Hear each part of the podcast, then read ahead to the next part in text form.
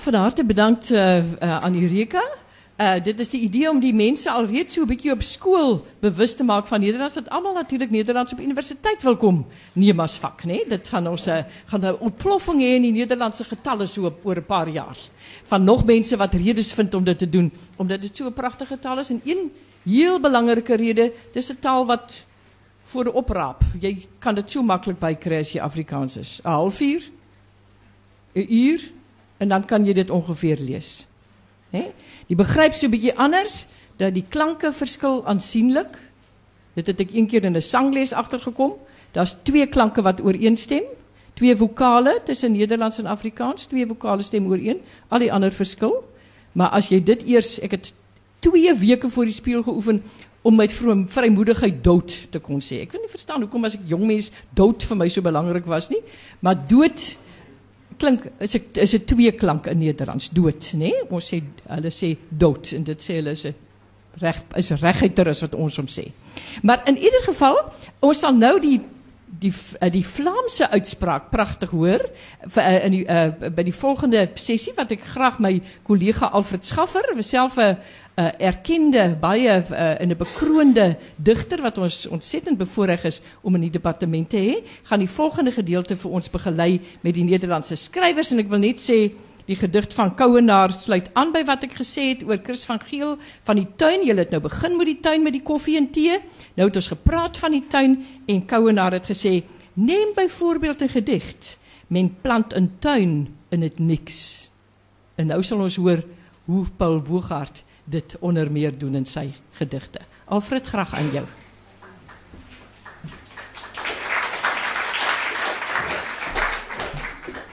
Goedemorgen, dames en heren. Um, ik, uh, ik, ik, ik, ga maar even Nederlands praten. Ik spreek met mijn studenten eigenlijk altijd uh, Nederkaans. Um, maar in, in deze context kunnen jullie mij natuurlijk wel begrijpen. Welkom allemaal. Uh, ik hou het kort, want het, het gaat natuurlijk om de twee dichters die wij dit jaar hier hebben uitgenodigd. Schrijver, dichter en een dichter. Misschien kunnen de studenten straks aan Paul Bogaert vragen of hij ook nog een roman in, uh, ergens in zijn achterzak heeft zitten. Um, ik heb besloten op uh, deze twee. Ik heb altijd de, de, eer om, om schrijvers te mogen kiezen voor het woordfeest. En op deze twee collega's besloten, die ken ik allebei goed van het podium. Ze schrijven een totaal ander soort poëzie, maar hadden Paul Bogaert heb ik weer zien lezen bij Poetry International 2014. Een prachtige podiumvoordracht. En um, Rodaan ook voor zijn podiumvoordracht gekozen. Behalve dat hun werk inhoudelijk fantastisch is. Omdat je met Rodaan eigenlijk altijd kunt lachen. Um, soms, heel soms, kan ik hem niet helemaal verstaan. Maar eigenlijk bijna altijd een, uh, een geweldige achtergrond. Een, een hele bijzondere uh, dichter om in de Nederlandse taal te hebben. Nu ook weer met een interessant interview dat in rapport verschenen is een paar weken geleden. Besef je weer dat, dat deze dichter Rodaan Al-Ghalidi en ook romanschrijver net zo goed in het Chinees had kunnen debuteren.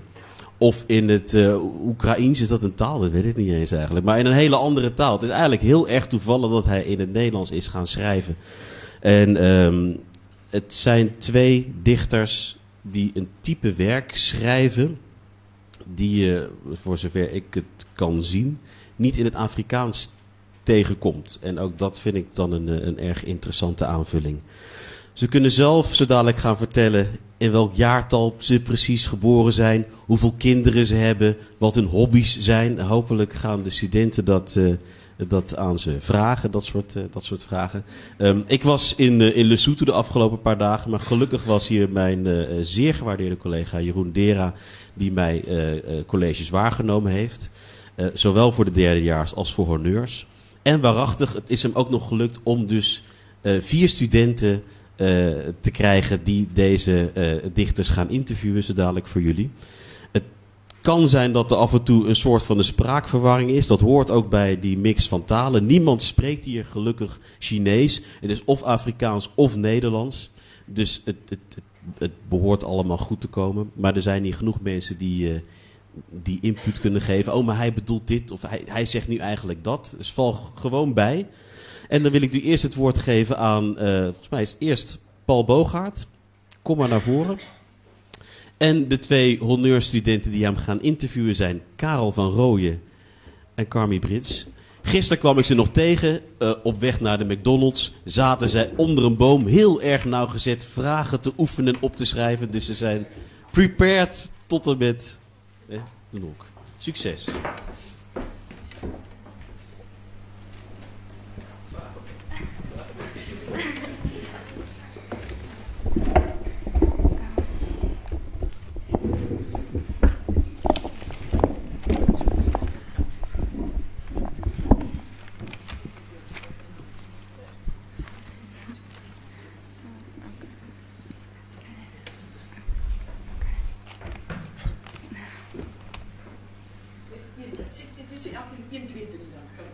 Ja, 2, 3. Hallo, 1, 2, 3.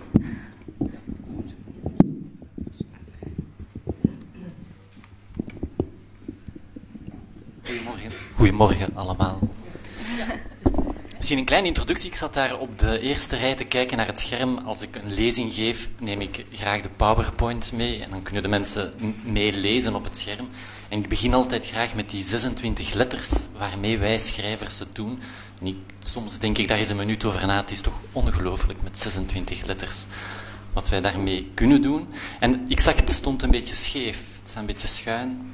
Uh, dan dacht ik, dat is ook wel mooi. Want het is poëzie en die gebruikt de taal dan toch een beetje op een andere manier. Dus alles zal een beetje scheef staan. Het is scheef voor jullie. Anders pak ik het in de hand. Ja, dat is misschien verstandig. Dat is verstandig. Ja. Oké. Okay. Dankjewel.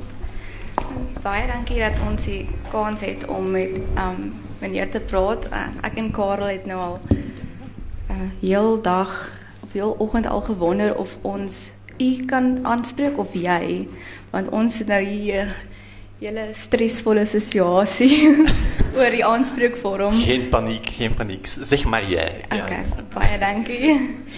Ehm um, ek sal die eerste vraag vra en ehm um, die eerste gedigte en bundels is um almal volledig bekryfbaar op die internet en um ek weet ook dat jy baie stem vir die of 'n artikel geskryf dat daar die die letterkunde moet baie verkrygbaar wees vir almal. De hele letterkunde verkrijgbaar gratis op internet, dat gaat te ver. Maar ja, dat is iets wat ik gewoon doe. Poëzie is... Uh, mijn eerste bundels zijn niet meer verkrijgbaar. En op een bepaald moment heb ik gedacht, ja, ik, ik zet die gewoon op het internet. Kan iedereen die blijven lezen? Uh, het zijn mijn gedichten, ik ben er nog altijd trots op. En ja, anders zijn ze begraven in boekenkasten en in bibliotheken. Op, en op deze manier blijven ze leven. Dus uh, op die manier. En hoe... Het is zo zien. Dat is een klein papiertje. um, hoe of jy um poëzie in die huidige samelewing met um tegnologie en die sosiale media en hoe dit 'n rol speel met die met die en die uitbeelding daarvan? Um, ik, wat sociale media betreft, ik zit wel op Facebook, maar er zijn dichters die bijvoorbeeld een gedicht schrijven en dat dan meteen publiceren op Facebook. Dat, dat, dat, dat kan ik niet. Dat is, dat is voor mij iets anders eigenlijk. Dus ik schrijf poëzie, maar die belandt dan toch in bundels of op uh, uh, af en toe deel ik wel eens iets uh, op Facebook, een gedicht, als dat per toeval aansluit bij de actualiteit. Um, maar de, de, sociale media is niet de toekomst van de poëzie, denk ik, of voor de verspreiding van de poëzie. Dank je. Die video's, ons het een paar video's gezien van, van oude video's en um, gedigte wat dan bygelees word. Ons het gewonder, ehm um, hoe word die oorspronklike beeldmateriaal se betekenis verander of hoe word daar waarde bygevoeg en hoe verskaf die video's 'n uh, ehm betekenis aan die gedigte?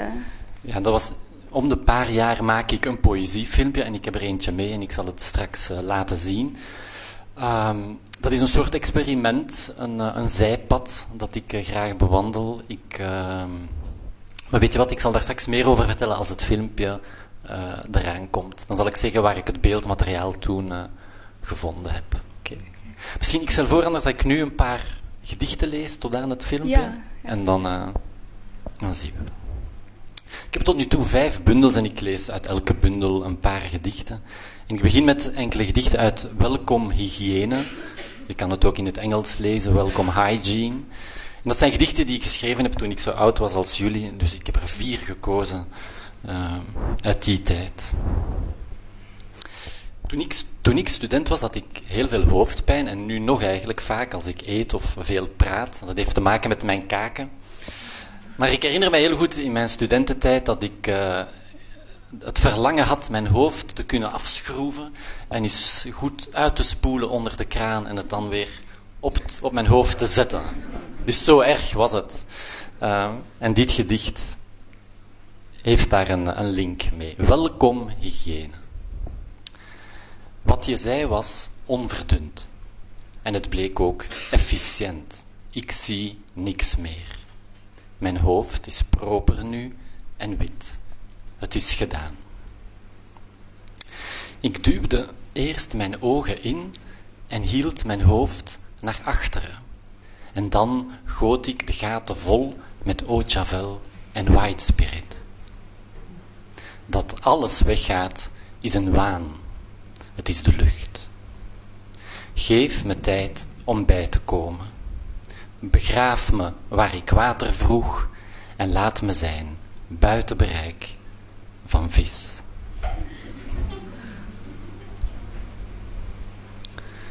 Dek me toe. Zeg me dat het tijd is. Zeg me dat ik moe ben. Geef niet toe aan verzet. Geef me een washand, de beer die ik ken. Wijs me mijn bed, dek me toe. Ruik naar zeep. Vertel mij hoe prinsessen slapen als bij wonder. En verdwijn maar. Ga niet te ver. Stop mij onder. Dek me toe. Laat mij alleen. Strooi in mijn ogen geen zand. Breng geen lied ten gehore. Verzoen mij niet met de nacht. Doe wat ik doe.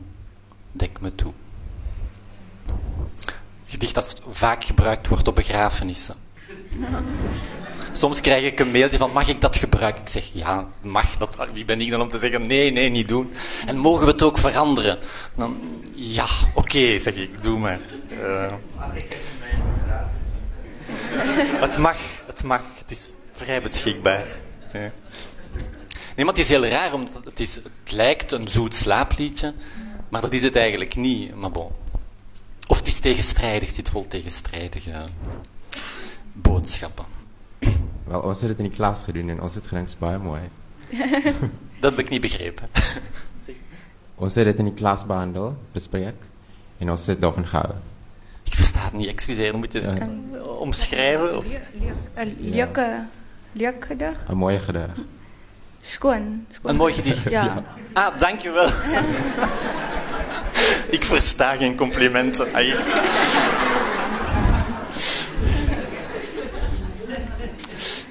Tegen mijn oor. Tegen mijn oor lagen uw lippen en ook wij bewogen niet. Zo kwam uw adem door mijn oor, als vinger vol met vingerverf, bladderend als worm, als wattenstaaf met kervel. Soms, tegen mijn oor, voel ik uw lippen nog, een lucht in mij, onophoudelijk, schurend.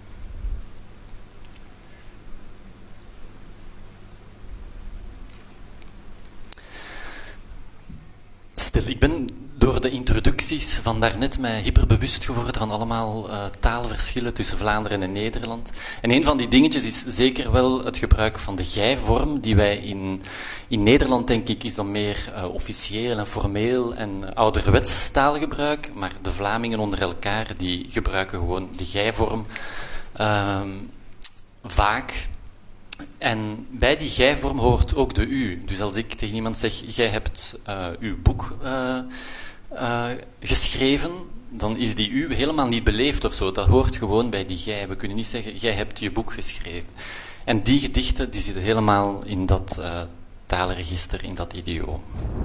Dus het, om maar te zeggen, het klinkt misschien ouderwets, maar Het is heel gewoon.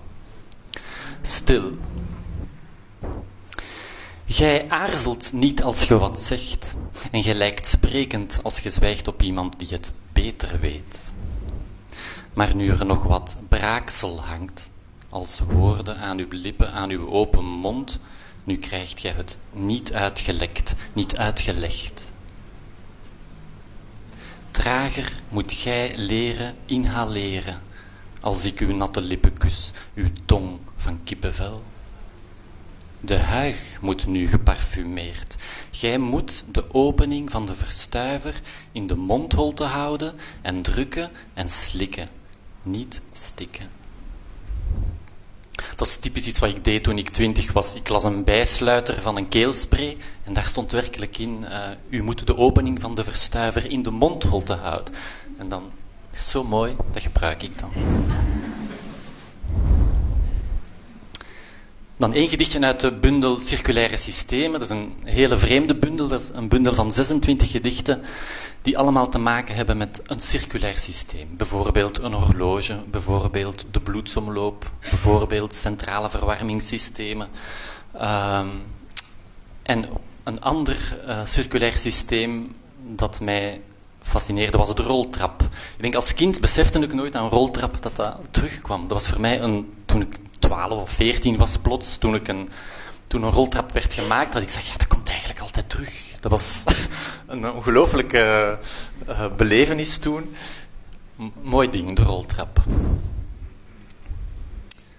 Als men de hand legt op het soort caoutchouc en men de knobbels van een geraamte daaronder voelt, dan rekt zich in een roltraptijd een afstand uit. Tussen de hand, die geleidelijk een voorsprong neemt, en de rest van het lichaam erachter. Meer en meer, op die manier, tot men de hand loslaat en weer aan krachten wendt die ontzettend remmend zijn, als aan een ontsnapping. Ik las dit gedicht ook eens in een klas in het middelbaar onderwijs, in, ergens in een school in Vlaanderen. En een van die leerlingen, die had zich ook een beetje voorbereid, die zei achteraf, ja, dat, gaat toch over... Uh, ik dacht dat dat over een, een condoom ging. Ik zeg, ja, ja. En inderdaad, kan ook. Ik zal het nog eens lezen. Als men de hand legt op het soort caoutchouc en men de knobbels van een geraamte daaronder voelt, dan rekt zich in een roltraptijd een afstand uit. Tussen de hand, die geleidelijk een voorsprong neemt, en de rest van het lichaam erachter. Meer en meer op die manier, tot men de hand loslaat en weer aan krachten wendt die ontzettend remmend zijn, als aan een ontsnapping.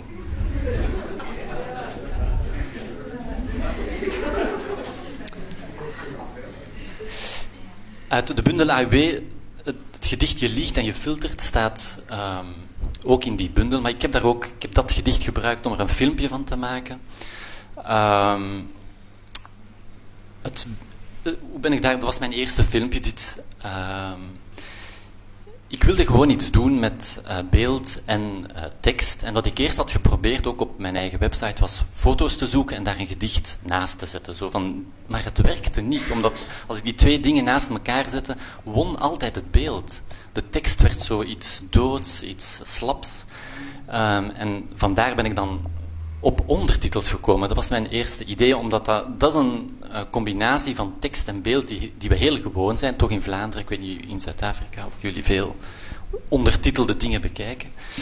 Uh, plus daarbij, ik weet niet of dat jullie dat kennen, het groot dicté der Nederlandse taal, een, uh, komt elk jaar op de Vlaamse en de Nederlandse televisie. Een soort nationaal dicté waar iedereen dan thuis aan kan meedoen, maar waar er ook mensen voor, voor worden geselecteerd die dan naar Den Haag gaan, is het zeker en die dan gewoon een dicté doen op tv. En een van mijn ideeën was, het zou toch mooi zijn mocht dat dicté dan op televisie worden ondertiteld. Voor de, voor de doven en de slechthorenden bijvoorbeeld. Um, en de blinde mensen, uiteraard. Vooral dat. Um, en dus dat wilde ik eigenlijk doen. Een filmpje maken over een dicté dat dan ook ondertiteld werd. En daarvoor heb ik, heb ik een gedicht gebruikt dat gaat over liegen. En uh, ik heb daar dit van gemaakt. Ik hoop dat het lukt met de klank. Zo niet, kan het ook zonder, want er zijn ondertitels. Oei.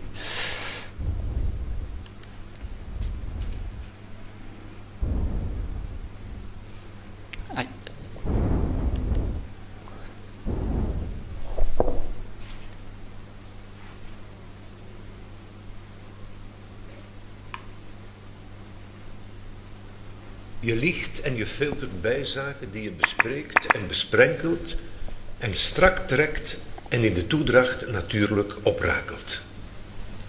Je liegt en je filtert bijzaken die je bespreekt en besprenkelt en natuurlijk ook oprakelt en strak trekt bij zaken die je oprakelt in de toedracht.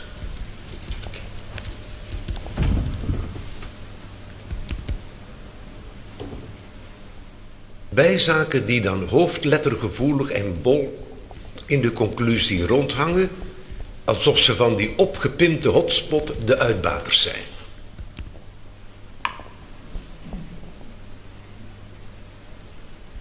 Bijzaken die dan hoofdlettergevoelig en bol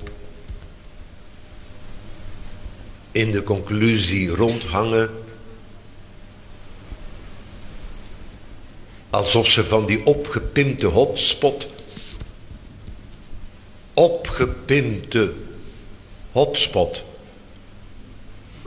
de uitbaters zijn.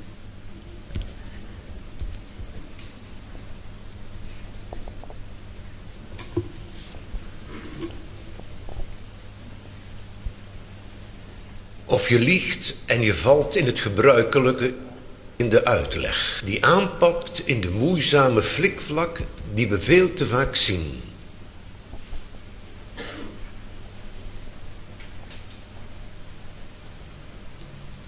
Of je liegt en je valt in het gebruikelijke, in de uitleg die aanpapt in de moeizame flikvlak, in de uitleg die aanpapt. Flikvlak, die we veel te vaak zien. De moeizame flikvlak, die we veel te vaak zien.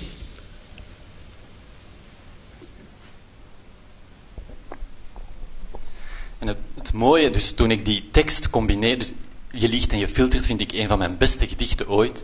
Maar toen ik die tekst combineerde met die beelden, dan begon ik er zelf van te, van te walgen. Van, dus die tekst veranderde door uh, de stem en door vooral die reactie van die vrouw in het midden.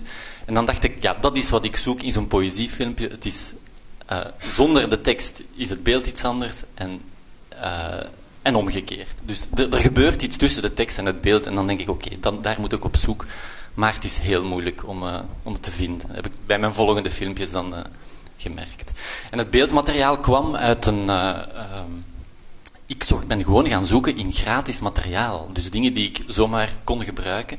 En er bestaat zo'n Amerikaanse website waar ehm, allemaal dingen beschikbaar zijn waar geen rechten meer of geen, geen rechten voor moeten betaald worden. En het is een filmpje, een reclamefilmpje voor een verpleegsterschool. Um, en het mooie was, dus dat is zo'n documentaire van 50 minuten, veel te lang, maar er zat zo één beeld in waar iemand niet enthousiast was. En ik dacht, ja, dat heb ik nodig. Uh... dus nou ek. Uh, ek het 'n aanhalingsnom gebring uit van 'n resensent uit de Groene Amsterdammer oor um, ons verlange wat in 2013 verskyn het. Die nuwe bundel van Paul Bogart gaat oor ongemak. Je loopt rond in een wereld die steeds net niet aansluit bij wat je zou willen of verwachten. Je verlangen worden soms een bikkie, maar nooit echt bevredigd. In gezelschap zeg je stevast de verkeerde dingen. Je ergert je aan penetrante geluiden en nergens voel je je helemaal thuis. Hoe komt zo cynisch voor die mens? Hoe kom... Wat vraag je of ik daarmee eens ben? Of... Ja, als die mee zo. Hoe voel je dat? um, ons ja, een verlangen ja, wordt, nooit bevredigd natuurlijk. Hè. Dus, uh, maar eigenlijk, ik, heb, ik heb de foto's niet bij, dus ik, eigenlijk ging die laatste bundel, ik ga er straks ook nog een paar gedichten uit lezen, uh, wilde ik echt man en vrouw als titel geven. Een hele droge, uh, rare titel voor een poëziebundel. Maar ik ben, aan de zee ben ik een, een huisje tegengekomen waar dat in Vlaanderen, ik weet niet of dat hier ook bestaat, zijn er zo mensen die hun huis een naam geven. En boven de deur stond er ons verlangen. En heel klein, zo een huisje uit de jaren 40, denk ik. Eh, en het was ook te koop. En dan maakte dat zo, ja, vond ik mooi. En dan een paar maanden later uh, was het verkocht. Ik heb er zo foto's van genomen in elk stadium. En daarna is het verbouwd. En ja, ik vond het zo'n mooi poëtisch moment van ons verlangen dat te koop staat en dan gekocht wordt en verbouwd wordt. Uh, en het idee van het, zal nooit af zijn. Op in een flits heb ik beslist van ik, ga die uh, titel gebruiken voor, on, voor die bundel. En het klinkt een beetje kitsch. Ehm, en sommige gedichten zijn ook sentimenteler dan wat ik normaal schrijf. Ehm, maar het is ook, het omgekeerde, toch, toch ook harde dingen in ons verlangen. Maar ik zal nu nog een paar gedichten lezen tot we aan ons verlangen komen. Ja. Ja, ja, we zijn uit aan het lopen. Oké. Dan ga ik gewoon naar uh, ons verlangen. Ik moet wel even... Wie kan volgen, volgt. Wacht. Uit ons verlangen. Ik, heb ook een kantoorleven. Uh, en soms zijn er van die teammomenten. Dan wordt de hele personeelsploeg meegenomen naar vreselijke oorden waar er dingen gebeuren en waar, wat mij altijd zo irriteert, waar dan de werknemers aangesproken worden als kleuters. Uh, dit gedicht heeft daarmee te maken. Al wie opgewekt is, mag naar zaal paardenbloem. Dat geldt ook voor iedereen die sterk en spontaan is. Ook sociale of stoere personen gaan met Geoffrey mee. De anderen blijven hier om de grondverf om te roeren en daarna een dunne laag aan te brengen. Daar heeft iemand een vraag, graag in de loopmicrofoon. Wat met de zelfverzekerde mensen? Nog even jullie aandacht. Ook zelfverzekerde mensen mogen Joffrey of Sylvia volgen naar de paardenbloem. En dan tot slot een gedicht over de tijd. Toen ik twintig was, heb ik denk ik ooit tegen mezelf gezegd: ik schrijf nooit een gedicht over de tijd. Maar kijk, ik dacht dat de tijd via via zou werken. Met een lichte erosie, een trage schimmel, dat hij vanuit de schaduw op een lauwe vogelpoot knabbelend een laag opgeleide wind de klus zou laten klaren. Desnoods iemand zou sturen om een spatie weg te pikken of discreet een paar tinten te innen. Dat ik het zelf niet zag. Nat en verblind door de zon in de camera van jouw ogen kijkend, blij opnieuw vaste grond te voelen, tong over bovenlip, blij aan sommige spieren herinnerd te worden, alle aders weer open voor de zoute roes van de bloedgroep, de home run, dat ik het niet zag hoe de tijd zelf al het grootste werk had gedaan en blijkbaar beslist had, op korte termijn, tussen de branding en mijn spullen, in een paar flitsen, eigenhandig, fors, met de knuppel en hop en klop en nog één erop. Dank jullie wel. Hoe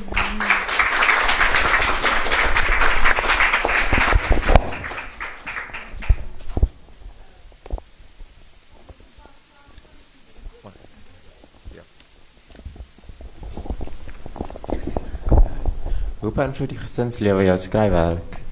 Ja, ik heb vier kinderen. Uh, het belangrijkste is dat ik weinig tijd heb. Dat is, uh, en ik schrijf ook dus eigenlijk zeer weinig. Um, en ze beïnvloeden wat ik doe op verschillende manieren. Eén ding is uh, storingen, lawaai in huis. En het is één keer gebeurd dat ik thuis was en ik wilde, het was echt, ik, ik wist van nu moet ik het doen, anders heb ik er zeker geen tijd voor. En ik hoorde van alles en, en het ging niet. En dan heb ik gezegd, oké, ik, ik, doe het, ik heb dan een gedicht daarover geschreven. En op die manier uh, was het dan toch een, een nuttige middag. Um, op andere manier is natuurlijk, zeker als de kind, nu de jongste zeven jaar, maar zeker als ze drie, vier jaar zijn, als ze pas beginnen, of jongeren nog, als ze hun eerste zinnen beginnen maken, dat ze prachtige dingen zeggen. En dat is gratis materiaal voor mij. Bijvoorbeeld uitslikken. Um, een soort het omgekeerde dan van inslikken, maar een van, van mijn kinderen gebruikt het als overgeven, als braken. papa, papa, ik moet uitslikken. Dat vind ik dan zo mooi, dat schrijf ik op, dat gebruik ik dan. En bijvoorbeeld ook een mooi voorbeeld is mijn zoon, hij was, hij was zelf zeven jaar of zes jaar, ik weet niet, en hij zei, papa, ik heb gedroomd. Ik heb gedroomd over meisjes van acht jaar die geen neus hadden. En dat is iets wat ik zelf niet kan verzinnen, dat, is, dat gebruik ik gewoon. Dat, uh, dat, is de, dat is de grootste nachtmerrie. Dan meisjes van acht jaar zonder neus. Uh, dus in die zin, uh, ja, dat is, dat, is, dat is gratis materiaal, mijn kinderen. Ja.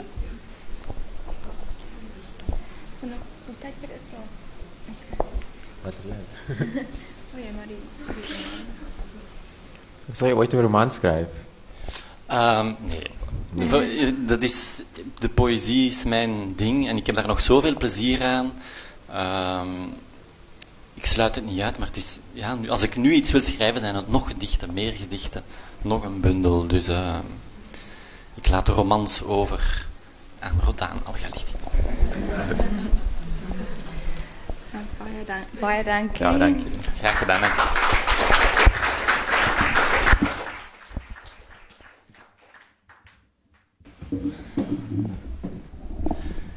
Ik ben heel slecht in interviews.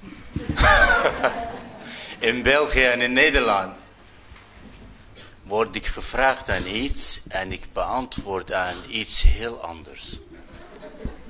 En ik weet nu niet hoe het gaat lopen vandaag. Sterkte, hè?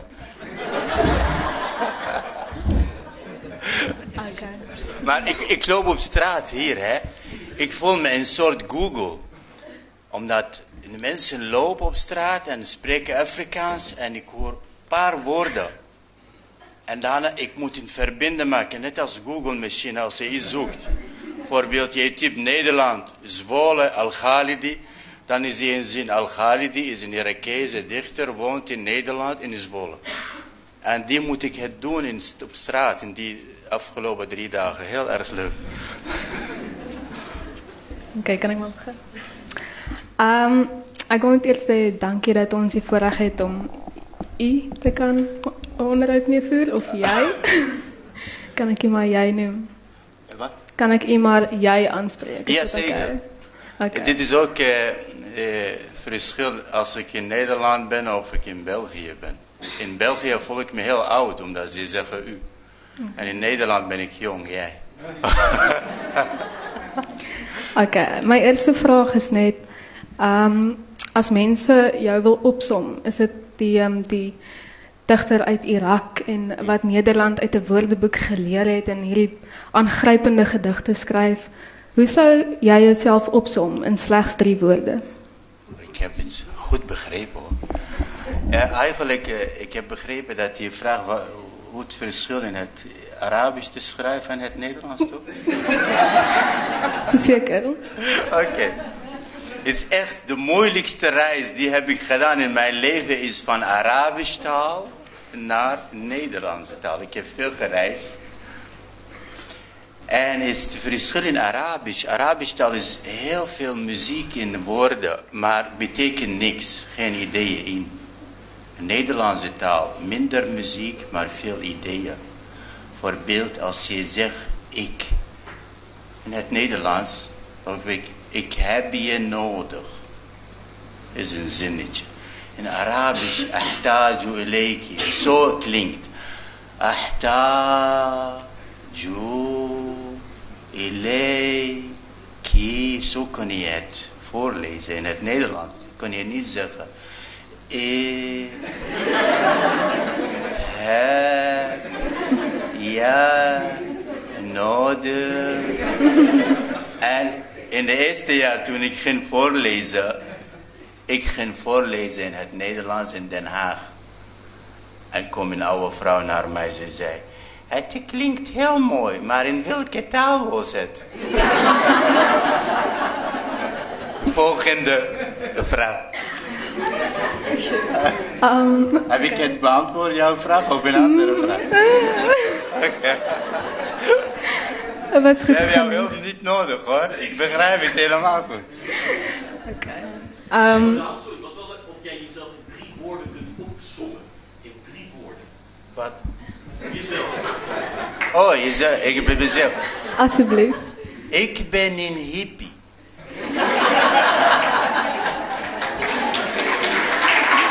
Ik ben geen Nederlander, geen Belg, geen Irakees, absoluut geen Irakees. Maar in Spanje ontdekte er, er zijn andere soort mensen in Europa, die hippies. Hebben oude gitaartje, geen werk, geen paspoort en reizen van dorp naar andere met een hondje. En als ze honger krijgen, gaan ze naar restaurant en ze zeggen, heb je iets voor de hond? En ze eten het eerst. Ik ben een hippie. Dus ik hoef niet te vechten voor anderen of te denken aan de anderen. Als ik een beetje geld heb, lig ik op strand onder een parasol. Als ik geen geld heb, dan loop ik met een hondje in Spanje. Zo ben ik. Um, het jij dan als hippie een versteekte talent wat ons niet van weet nie? Ander talente. Oh, mijn talenten zijn dat ik luister urenlang zonder iets te begrijpen. Ik, ik, de mensen praten heel serieus en ik doe, oh ja. En ik knikt. Voorbeeld, ik ga een paar maanden naar Spanje en ik spreek geen woord Spaans. En ik zeg altijd, bale, bale. Dat is het enige woord die ik ken in het Spaans. En dit is een van mijn belangrijkste talenten, dat ik neem de woorden van anderen niet. Ik gooi het weg en op A4'tjes, maar ik luister echt niet, echt, net als zo met jou nu. Het is een van mijn talenten. De andere talenten, dat eh, ik, ik ben, eh, bijvoorbeeld in Nederland, ik zie dat de mensen, alles moet geregeld. Bij mij is alles moet niet geregeld. En dit zijn de talenten van mij. Ik kan een boek schrijven over mijn talenten. Um, ja, ek moet nou mooi dink of ek in diepte vra ook gaan vra want ek weet nie hoe dit gaan uitdraai nie. Um, okay. Um in die gedigte is daar temas van um nasionaliteit en die gevoel om te behoort ergens en saam met mense. En um in die onlangse onderhoud wat u gedoen het voor die woordfees het u ook gesê dat jy moet lewe vir jou land en nie sterf daarvoor nie. Wat het u bedoel daarmee en hoe is u verhouding um, met Irak en Nederland? Hoe zal u dit beschrijven? Fred? Heel klein. Die verhouding met Nederland als Irakees, hoe zou je dat beschrijven? Ah, eh, ik heb eh, zoveel geleerd in Nederland. Nederlanders zijn zo open en zo direct. En als ze iets zeggen, bedoelen het precies. In Irak is het tegenovergestelde. En ik leerde in Nederland dat respect hebben voor de tijd. Ik moet een respect hebben voor de tijd. In Irak, als je een afspraak met iemand maakt, je zegt, ik, ik zie jou smiddags. Maar welke middag? Is het vandaag? Of morgen? Of volgend jaar? In Nederland, je gebruikt het niet zo. Je zegt, ik zie je om een kwart over één. Maar moet het precies een kwart over één. Eén minuut laat of vroeg geen probleem. Maar twee minuten is niet leuk. Um, en die laatste vraag wat ek sal vra is, hoe geniet jy Suid-Afrika so ver en geniet jy ons sonskynland? Oh, ik had een totaal andere idee over Afrika algemeen en Zuid-Afrika. Ik weet dat Alfred geeft de les in Afrika, maar ik dacht hij gaat eerst naar de klas, eerder de giraffe en de olifanten uit de klas. En dan een les geven. En ik kom uit Spanje nu en ik zie dikke auto's, nog dikker dan de auto's in Spanje. Ik zie iedereen zo En ik heb een echt, ik schaam me om mijn telefoon te laten zien. Het is een oma-telefoon. Iedereen heeft een nieuwe telefoon. Ik dacht, die Afrika zo rijk is. Maar misschien is Stellenbosch. Dus ik ga, ik kom terug.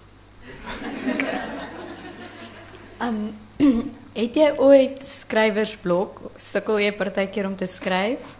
En as jy nie iets kry nie, wat doen jy om inspirasie te kry? Ik heb, eh, ik heb eh, geen inspiratie nodig. De inspiratie heeft mij nodig. ik ben, ik ben vol talent, geniaal. Dus de inspiratie wacht op mij om haar te schrijven een A4'tje. Voorbeeld, Nederland valt de regen miljoenen jaren, valt de regen op de Nederlandse grond. En de Nederlanders schrijven zo serieus gedicht voorbeeld over de regen. En kijk wat ik doe. Ze schrijven gedichtenbundel over depressie in de regen, agressie, over last. En ik doe dit gedicht. Kijk hoe geniaal ben ik. De titel is Ik hou van Holland. Ik hou van Holland, zei de paraplu. Het is mijn land. Ik kan me geen ander land voorstellen waar ik altijd zo mezelf kan zijn en zo open voor iedereen. en, en ook, ik ben geboren in de woestijn tussen Saoedi-Arabië en Irak. Geen water. Mensen bidden voor water. Ik kom naar Nederland, is een koninkrijk van water. Overal water. En de mensen bidden niet voor water, maar voor een beetje grond. Ze drogen ook de zee zelf. En, en ik kijk naar de zee voor het eerst. En ik heb dit geschreven. Ik wil naast je liggen. Willen jullie het in Arabisch voorlezen of in het Nederlands? Arabisch of Nederlands? Arabisch. Zo de Nederlandse dichter lezen zo. Ik wil naast je liggen zoals de golf. Ik wil één met jouw woorden zoals de golf. De, de Nederlandse dichter ligt hier, zo in, zijn keel. Maar Arabieren zo. Ik wil naast je liggen. En die handen moeten bewegen. Ik wil naast je liggen zoals de golf naast de golf. Ik wil één met jou worden zoals de golf met de golf. Ik wil je volgen zoals de golf, de golf. Ik wil in je reizen zoals de golf in de golf. Ik wil je leiden zoals de golf, de golf. Ik wil in je verdwijnen zoals de golf in de golf. Ik wil je omhelzen zoals de golf, de golf. Dit was de laatste keer. Ik wil je zoals de golf, blauw en eeuwig grijs. Dank je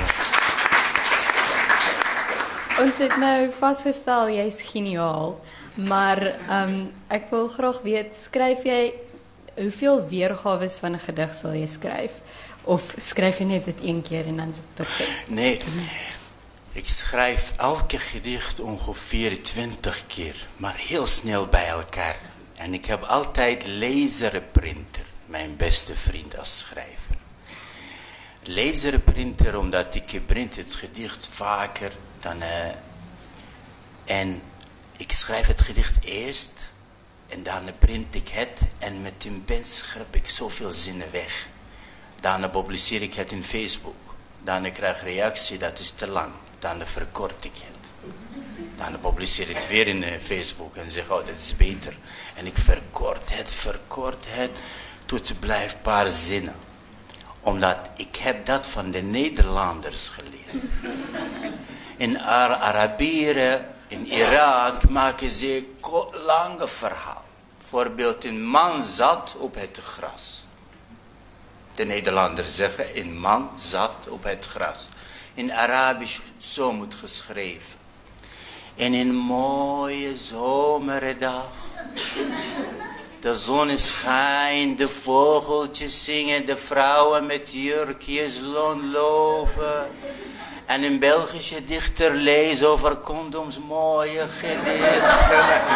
En daarna meteen, en het eind, een man zat op het gras.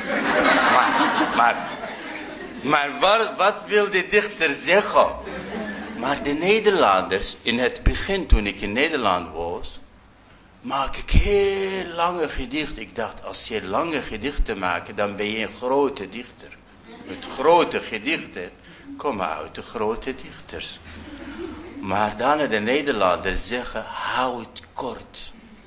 Alsjeblieft.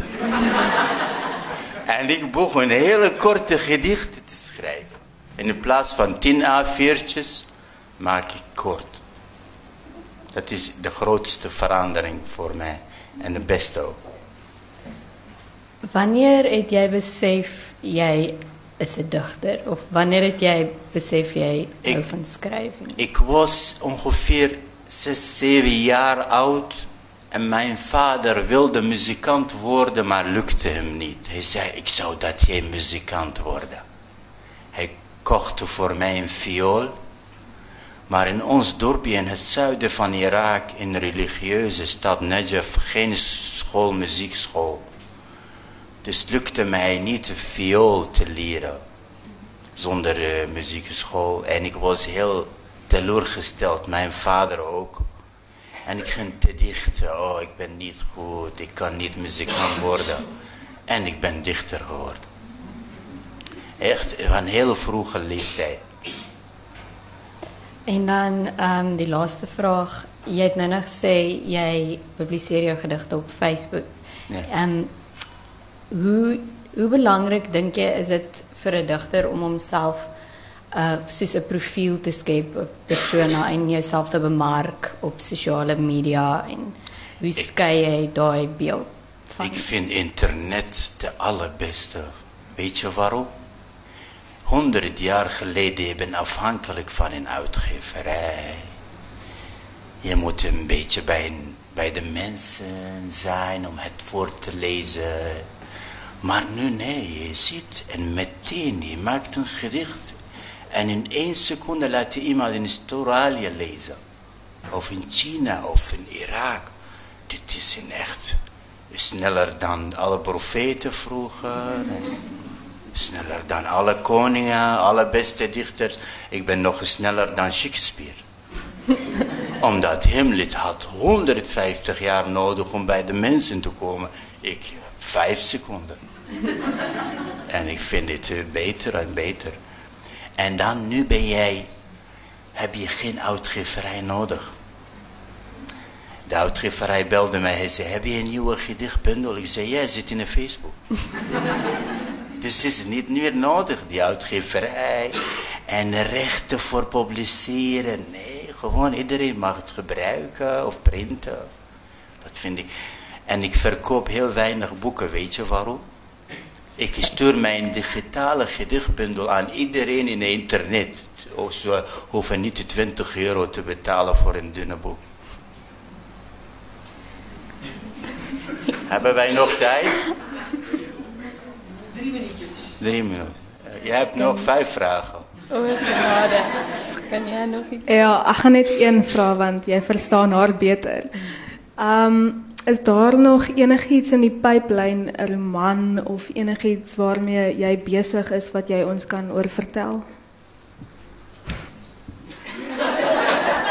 Ik heb jou echt nodig nu.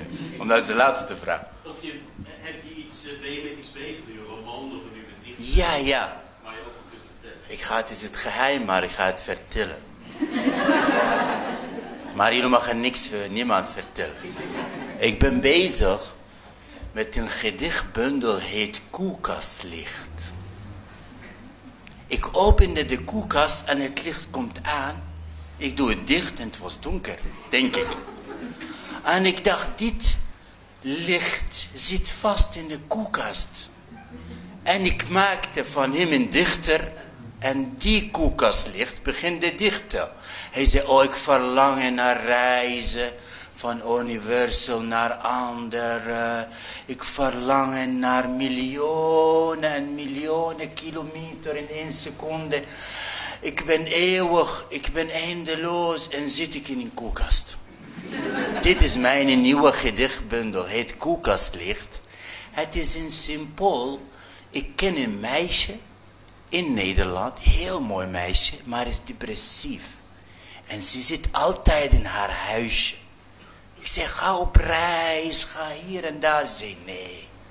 En koelkastlicht is, ik wil het een gedichtbundel maken voor mensen die zitten vast in een koude wereld en ze weten niet hoe kunnen ze uit naar buiten.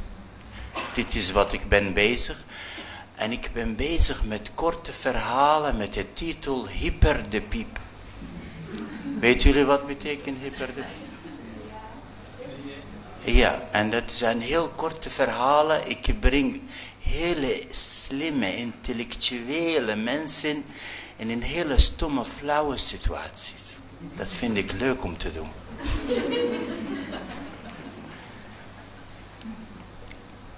Dit is ik, dankie. Ik, hebben jullie geen vraag? Oké, okay. dank u wel. Ik ga twee gedichtjes voorlezen. Of één? Eén, oké. Twee kort, oké. Boer. Geen aardappel probeerde ooit zelfmoord te plegen. Geen komkommer zei ooit, ik ben geen komkommer.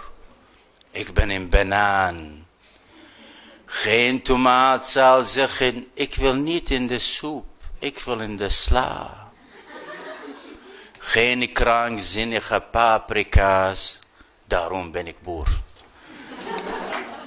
En de volgende gedicht is in Arabisch, in, in, in Irak, hebben wij het woord samenwonen niet. Hele traditionele maatschappij. Je ziet een meisje, je moet met haar trouwen, dan kun je met haar samenwonen. Het is een hele lange proces. In Nederland, na vijf minuten kun je beslissen om samen te wonen met een vrouw. Dus ik heb dit gedicht voor altijd. Ik maakte van het leven in een vrouw en ik wil met haar samenwonen. Leven, kom met mij samenwonen. Deel met mij niet alleen de woonkamer en de slaapkamer, maar ook mijn hart en elke seconde. Leven samen, jij en ik ik heb je lief, ik zal niet jaloers zijn als je ook met een ander gaat.